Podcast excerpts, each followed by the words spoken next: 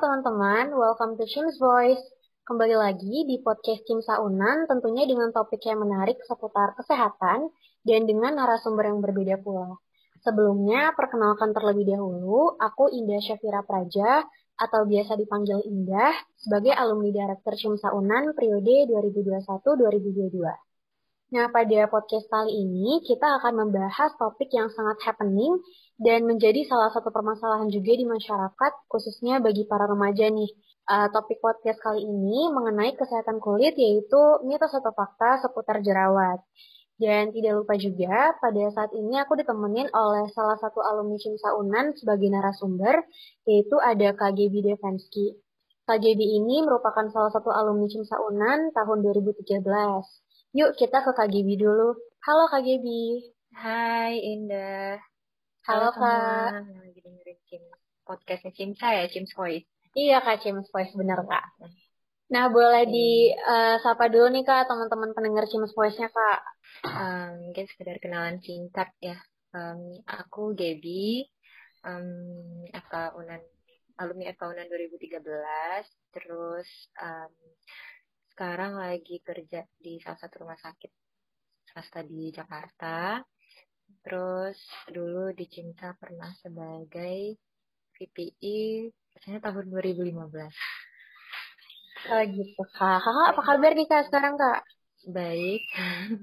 Alhamdulillah maksudnya masih diberi kesehatan, masih bagus-bagus aja, terus masih kerja. Gitu. Indah apa kabar? Uh, Alhamdulillah baik juga kan. Mungkin berarti kakak sekarang makin sibuk ya kak karena pandemi ini kak. Kemarin sempat waktu lagi naik-naiknya sibuk, sekarang udah mulai nurun lagi, tapi nggak tahu apakah mungkin akan ada penaikan atau enggak. Mudah-mudahan sih tetap turun terus ya kasusnya. Iya kak, semoga semakin membaik ya kak, biar kita bisa hmm. normal lagi. Oke okay, kak, nah jadi kak pada episode kali ini kita bakal mengupas tuntas nih kak mengenai jerawat. Jadi nanti diharapkan uh, bisa menjadi titik terang juga bagi para pendengar Change Voice apakah memang pernyataan atau pemikiran-pemikiran yang beredar itu merupakan suatu fakta atau hanya mitos belaka. Nah, uh, sebelum masuk ke mitos atau fakta, untuk meluruskan persepsi juga yang mungkin berbeda-beda atau bahkan bagi teman-teman pendengar Change Voice yang belum tahu sebenarnya pengertian jerawat, boleh banget nih Kak dijelasin terlebih dahulu sebenarnya jerawat itu apa sih Kak? Acne itu lebih ke dermatosis inflamasi pada unit folikel ke sebaceous atau seperti um, lesi inflamasi yang ada di muka kita itu biasanya karena multifaktorial. Jadi nggak hanya kebanyakan sih bisa karena genetik terus dicampur dengan faktor-faktor eksternal lainnya kayak gitu. Mungkin ini lebih ke bahasa yang non, non medis ya biar semuanya ngerti. Jadi um, secara eh, secara umumnya um, semacam hasil dari um, hipersekresi dari kelenjar sebasea sama produksi sebumnya sehingga menimbulkan uh, lesi inflamasi yang ada di jerawat uh, di wajah kita tapi nggak harus di wajah juga ada misalnya di uh, punggung di area dada yang um, ada kelenjar sebaseanya gitu. Oh gitu kak, berarti untuk jerawat ini uh, sebenarnya tidak hanya bisa muncul di muka ya kak, tapi juga bisa di bagian tubuh lainnya. Mm-hmm. Uh, terus mungkin kita masuk nih kak ke mitos atau fakta yang pertama. Banyak banget yang beranggapan bahwa uh, jerawat itu hanya dapat timbul pada saat remaja uh, mengalami pubertas kak. Nah itu sebenarnya mitos atau fakta sih kak? Itu lebih ke mitos kalau saya hanya, karena kan ada tulisan hanya ya jerawat hanya. Tapi, uh, tapi memang kalau misalnya untuk uh, jerawat itu paling banyak pada usia uh, remaja atau yang pubertas sebenarnya. Uh, terutama yang mau mau pubertas. Karena kan itu lonjakan hormonnya lagi tinggi. Nah dengan lonjakan hormon yang tinggi ini memicu hipersekresi dari kelenjar sebasea yang aku bilang tadi. Sehingga uh, terciptalah apa lesi-lesi yang akibat hipersekresi tadi. Oke Kak, berarti memang jerawat ini timbul pada remaja yang mengalami pubertas, tapi tidak hanya timbul pada remaja tersebut ya Kak, juga bisa timbul pada usia-usia lain. Ya, tapi ada nah, yang late onset juga kayak gitu. Oke Kak, berarti kalau yang pada remaja ini lebih diakibatkan karena pengaruh hormon berarti ya Kak? Iya, lonjakan hormon. Jadi nggak hanya pada remaja, tapi bisa juga nanti ada akne vulgaris dewasa dan akne-akne yang tercetusnya bukan hanya hormon. Gitu. Oke kak. Uh, mungkin kita masuk ke, ke mitos atau fakta yang kedua. Katanya banyak yang bilang kalau misalkan jerawat itu lebih sering terjadi pada perempuan dibanding laki-laki nih kak, sehingga membuat uh, para wanita itu lebih insecure karena jerawat di mukanya gitu kak. Itu sebenarnya mitos atau fakta sih kak? Kalau menurut aku itu adalah fakta. Memang karena melihatnya dari data statistik ya, kayak misalnya data-data epidemiologi dari beberapa jurnal, itu memang lebih banyak persebarannya pada perempuan. Nah, hal ini sebenarnya bisa banyak faktor sih, karena satu yang lebih aware sama wajah kita tuh uh, lebih ke gender perempuan kan, sehingga laporan yang banyak keluar itu adalah pada perempuan. Sementara kalau yang laki-laki cenderung mengabaikan yang lesi-lesi kecil, tapi nanti datang sudah dengan keadaan yang parah, baru dia berobat ke dokter. Sehingga penyebaran datanya lebih banyak wanita itu bisa. Terus selain itu juga kan wanita setiap bulannya ada menstruasi ya. Nah pada saat premenstruasi itu di beberapa penelitian ada juga yang um, apa, menghubungkan kejadian premenstruasi dengan peningkatan lesi inflamasi akibat um, lesi inflamasi dari si akne ini. Oke kak, berarti memang fakta ya kak. Eh, selain ditinjau dari sisi epidemiologi, juga dilihat dari uh, bahwa setiap bulannya wanita itu mengalami menstruasi ya kak yang tentunya akan berpengaruh juga ke uh, tubuh dia sendiri. Um, Oke, okay. mungkin kita langsung masuk ke yang ketiga. Uh, ini sesuai banget nih kak, relate banget sama keadaan sekarang yaitu pada masa pandemi COVID-19 yang di mana mengharuskan kita untuk selalu menggunakan masker ke mana pun kita uh, pergi ya kak ya. Nah, uh, banyak juga yang uh, mengeluh dengan adanya penggunaan masker ini dapat memicu munculnya jerawat, Kak. Sebenarnya itu memang suatu fakta atau hanya mitos, Kak? Hmm, sebenarnya belum ada data banget, cuman hmm, bisa fakta. Jadi faktanya karena um, ada yang namanya masna ya, kalau misalnya kita kenal uh, yang akibat akibat masker. Nah, sebenarnya lebih ke tidak hubungan secara langsung akibat ma maskernya gitu. Tapi kan um, patogenesis dari perjalanan penyakit dari si akne ini kan ada empat hal yang memicu kalau untuk secara um, apa patogenesis atau versi kedokterannya gitu kan ada hiperproliferasi epidermis produksi sebum yang berlebihan yang aku bilang proses inflamasi kemudian dari akibat bakteri namanya P. acnes nah mungkin ini berkaitan dengan um, akne yang akibat inflamasi nah inflamasi yang ini Hmm, bisa terjadi karena kan kita pakai masker ada tekanan yang berulang atau keadaan uh, lingkungan di dalam maskernya juga suasananya di situ cenderung lebih ke yang kayak kurang aliran udara kayak gitu kan. Terus um, gesekan-gesekan akibat baik itu tali maskernya atau uh, bahan dari maskernya yang menekan gitu. Nah, itu bisa uh, secara tidak langsung menyebabkan uh, apa inflamasi dari uh, kulit kita sendiri sehingga nanti muncul acne vulgaris gitu. Tapi lebih ke ada namanya acne mekanika. Acne mekanika ini yang akibat aku bilang tadi yang kayak akibat gesekan, tekanan berulang atau tangan kita yang gatal ingin pencet-pencet jerawat atau yang baru-baru cikal bakal jerawat kayak gitu. Oke Kak, berarti uh, untuk penggunaan masker ini memang ada kemungkinan ya Kak untuk memicu tumbuh, timbulnya jerawat, tapi mungkin uh, sesuai juga sama jenis kulit mukanya, apakah memang sebegitu sensitifnya atau tidak. Uh, jadi mungkin nggak melulu kalau misalkan menggunakan masker itu dapat menimbulkan jerawat Kak, karena kan takutnya nanti uh, masyarakat itu takut menggunakan masker karena uh, berkemungkinan memicu timbulnya jerawat Kak, sehingga mereka ketika berpergian keluar itu tidak menggunakan masker kak saking takutnya gitu ya kak. Ya mungkin benar katanya Indah gitu. Bukan berarti kita nggak harus takut pakai masker tapi kan itu kalau misalnya ditanya ada hubungan ya bisa jadi ada hubungan. Tapi hubungannya nggak langsung memang karena maskernya kayak gitu. Um, mungkin bisa disiasati juga dengan pengurangan durasi memakai masker berarti tandanya kan kita di rumah aja lebih baik kan kayak gitu Oke, baik ya. Berarti kita memang harus stay at home ya, Kak. Yuhu. Oke, Kak. Kita lanjut nih, Kak, ke mitos atau fakta yang selanjutnya. Banyak juga yang beredar di masyarakat uh, kalau misalkan stres, mungkin stres sebelum ujian atau stres karena hal-hal lainnya juga, itu bisa memicu munculnya jerawat. Nah, itu gimana, Kak? Mitos atau fakta, Kak? Fakta kalau dari aku karena memang faktor-faktor eksternal yang sering dikatakan sebagai penyebab dari akne vulgaris adalah stres jadi stres itu nanti akan memicu um, aktivitas hormon di dalam tubuh kita. Nanti ada namanya hormon ACTH, itu meningkat sehingga terjadi peningkatan sebum yang aku bilang tadi, kelenjar yang menghasilkan minyak banyak itu, sehingga nanti jadi penyebab cikal bakal dari jerawat. Oke kak, nah, mungkin kita lanjut ya kak ke mitos atau fakta yang selanjutnya. Hmm, jika seseorang itu jarang mencuci muka, maka dapat meningkatkan risiko timbulnya jerawat, Kak. Itu mitos atau fakta ya, Kak? Fakta. Karena um, tadi satu lagi kan ada yang penyebab patogenesis dari si jerawat ini ada P. acne ya, bakteri P. acne.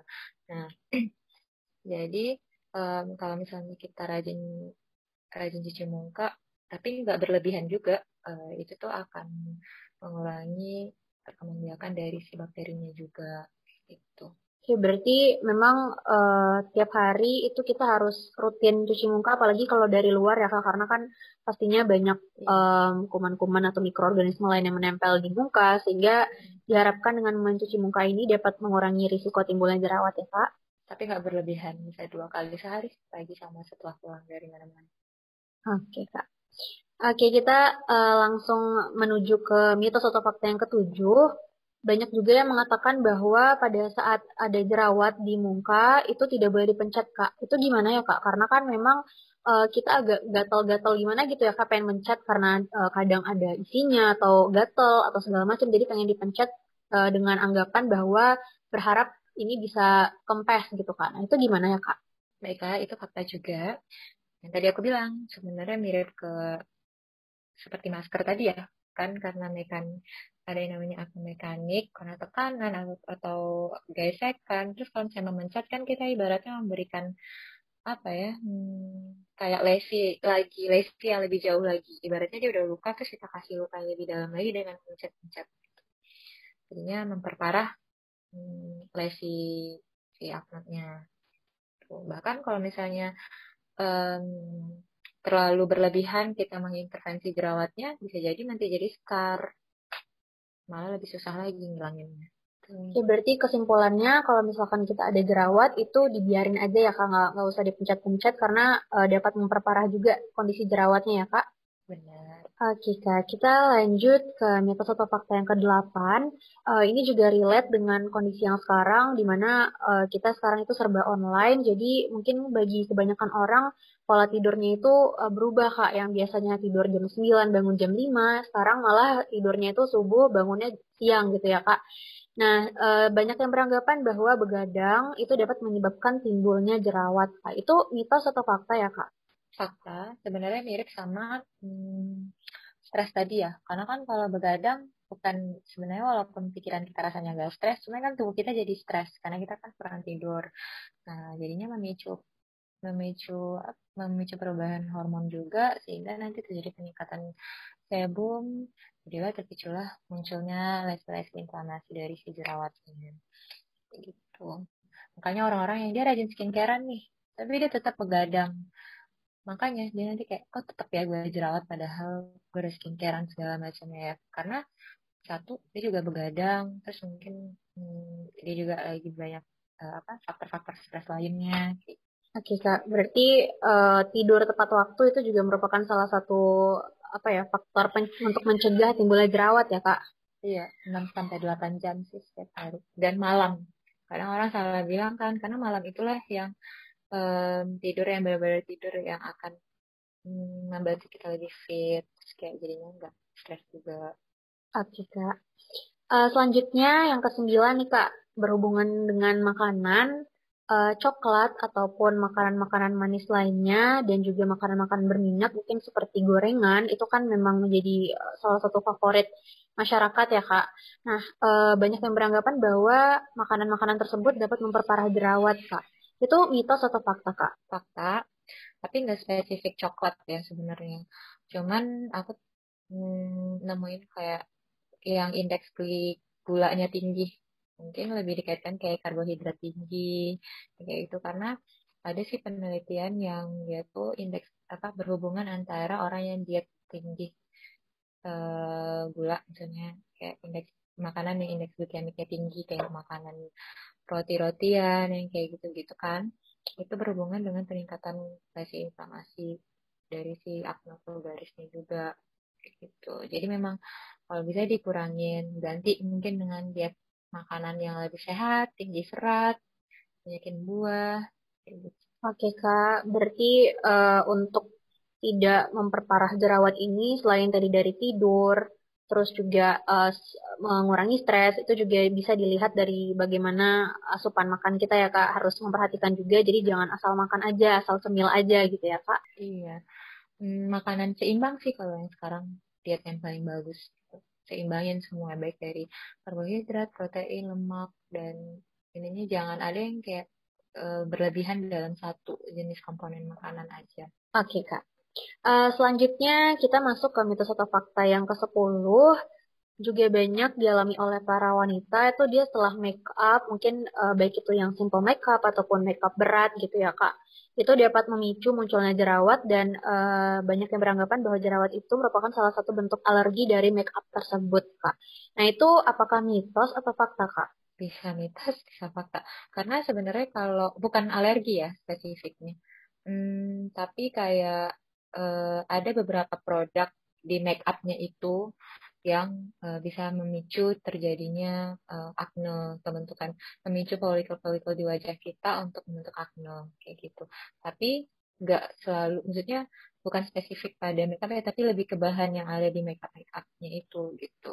Jadi mungkin hati-hati sih kalau misalnya rasanya habis memakai makeup yang itu rasanya dia timbul acne oh berarti produk yang ini oh, cocok nih sama mukanya bisa dihentikan mungkin diganti produk lain kayak gitu. Dan pemakaian makeup juga mungkin durasinya jangan terlalu lama dan kalau saya habis pakai makeup tuh kalau bisa dibersihin sehingga nggak memicu juga folikel-folikel di wajahnya untuk membentuk acne Gitu. Oke, okay, Kak. Berarti konsep dari penggunaan makeup ini sama dengan skincare ya Kak, jadi cocok-cocokan. Belum tentu orang uh, tertentu cocok di brand yang A, uh, orang yang lain juga cocok di brand tersebut ya Kak, karena setiap orang itu memiliki tipe-tipe kulit iya. yang berbeda-beda gitu ya Kak.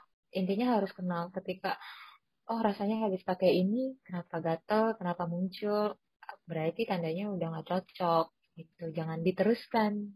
Oke kak, kita juga nggak mungkin bisa menyalahkan brand si make upnya ya kak. Itu harus kita aja sih yang pintar-pintar memilih mana yang cocok untuk muka kita. Oke kak, uh, mungkin untuk mitos atau faktanya sudah selesai. Selanjutnya boleh banget nih kak uh, tips and trick edukasi dari kakak. Uh, kira-kira gimana sih kak cara menghindari munculnya jerawat? Karena kan kita tahu juga um, orang tuh bahkan bisa nggak keluar rumah, bisa tidak uh, bersosialisasi dengan yang lain, tidak ingin uh, mempublish fotonya di sosial media ataupun bertemu dengan orang-orang sekitarnya karena adanya jerawat ini kak. Kira-kira bagaimana sih kak tips and triknya cara menghindari munculnya jerawat ini kak? Kalau untuk menghindari ya sebenarnya dari mitos dan fakta tadi udah kelihatan hal-hal mana yang bisa memicu terjadinya jerawat. Terutama faktor-faktor eksternal kali ya yang bisa kita cegah gitu karena ada juga faktor genetik yang berperan dalam pembentukan jerawat ini. Kalau faktor-faktor eksternal ya berarti saya kurangin stres, mungkin stresnya bisa diganti dengan uh, kita memikirkan hal yang um, senang-senang, ataupun walaupun kita sekarang lagi dalam keadaan krisis, tapi kita bisa membuat diri kita happy dengan berpikir hal-hal yang positif, kayak gitu. Terus begadang, jangan begadang, kalau bisa 6-8 jam nih kita tidur setiap harinya. Terus makanannya juga dijaga, makanannya kalau bisa makanan yang seimbang, terus jangan tinggi karbohidrat. Intinya sih di pola hidupnya ya, karena mau seberapa banyak pun skincare atau pengobatan yang kamu lakukan, kalau misalnya tidak dibarengi dengan pengendalian akan nggak nggak optimal juga pengobatan jerawat atau pencegahan dari timbulnya jerawat lagi kayak gitu. Nah selain itu juga kembali acne vulgaris atau jerawat ini tuh punya beberapa uh, grade atau derajat. Nah, kalau misalnya rasanya derajatnya udah mulai banyak dan kayak um, mengganggu ya kita bisa berobat. Karena kan ada obatnya. Misalkan sama jangan sembarangan gunakan antibiotik. Misalnya oh rasanya pernah baca antibiotik ini bisa nih untuk jerawat. Karena itu nanti memicu terjadinya resistensi antibiotik dan akan lebih memperparah jerawat ketika dia udah resistensi sama antibiotik yang itu. Jadi kalau misalnya rasanya udah sangat banyak atau yang bertingkat parahnya itu bisa pergi ke dokter kayak gitu Oke Kak, nah buat teman-teman pendengar Change Voice, uh, itu dia edukasi dari KJB di mana untuk menghindari munculnya jerawat, memang faktor yang terpenting itu adalah dari pola hidup yang sehat. Karena uh, dengan pola hidup yang sehat tersebut, mungkin baik dari segi uh, pola tidur, terus juga asupan makannya, dari segi intensitas stres dan lain sebagainya, termasuk juga kebersihan di dalamnya, uh, itu dapat mencegah uh, jerawat itu muncul di uh, muka maupun di bagian-bagian tubuh lainnya. Uh, lalu juga Diharapkan dengan adanya podcast ini, baik dari segi pemaparan mitos atau fakta tadi dan juga tips and trick ini dapat uh, mengedukasi para pendengar James Voice sehingga nantinya untuk ke depannya lebih dapat uh, menjaga diri agar terhindar dari jerawat ini gitu. Nah, mungkin uh, mau ngucapin terima kasih banyak juga buat Kak. Makasih banyak ya, Kak. Makasih juga Indah kesempatannya. Maaf juga buat semuanya kalau misalnya ada yang kurang-kurang. Iya, terima kasih banyak buat Kak yang sudah berkesempatan untuk menjadi narasumber di uh, podcast kali ini. Mungkin buat teman-teman James Voice, sekian dulu dari podcast kali ini. Sampai jumpa di James Voice berikutnya, tentunya dengan topik yang berbeda, dengan narasumber yang berbeda pula.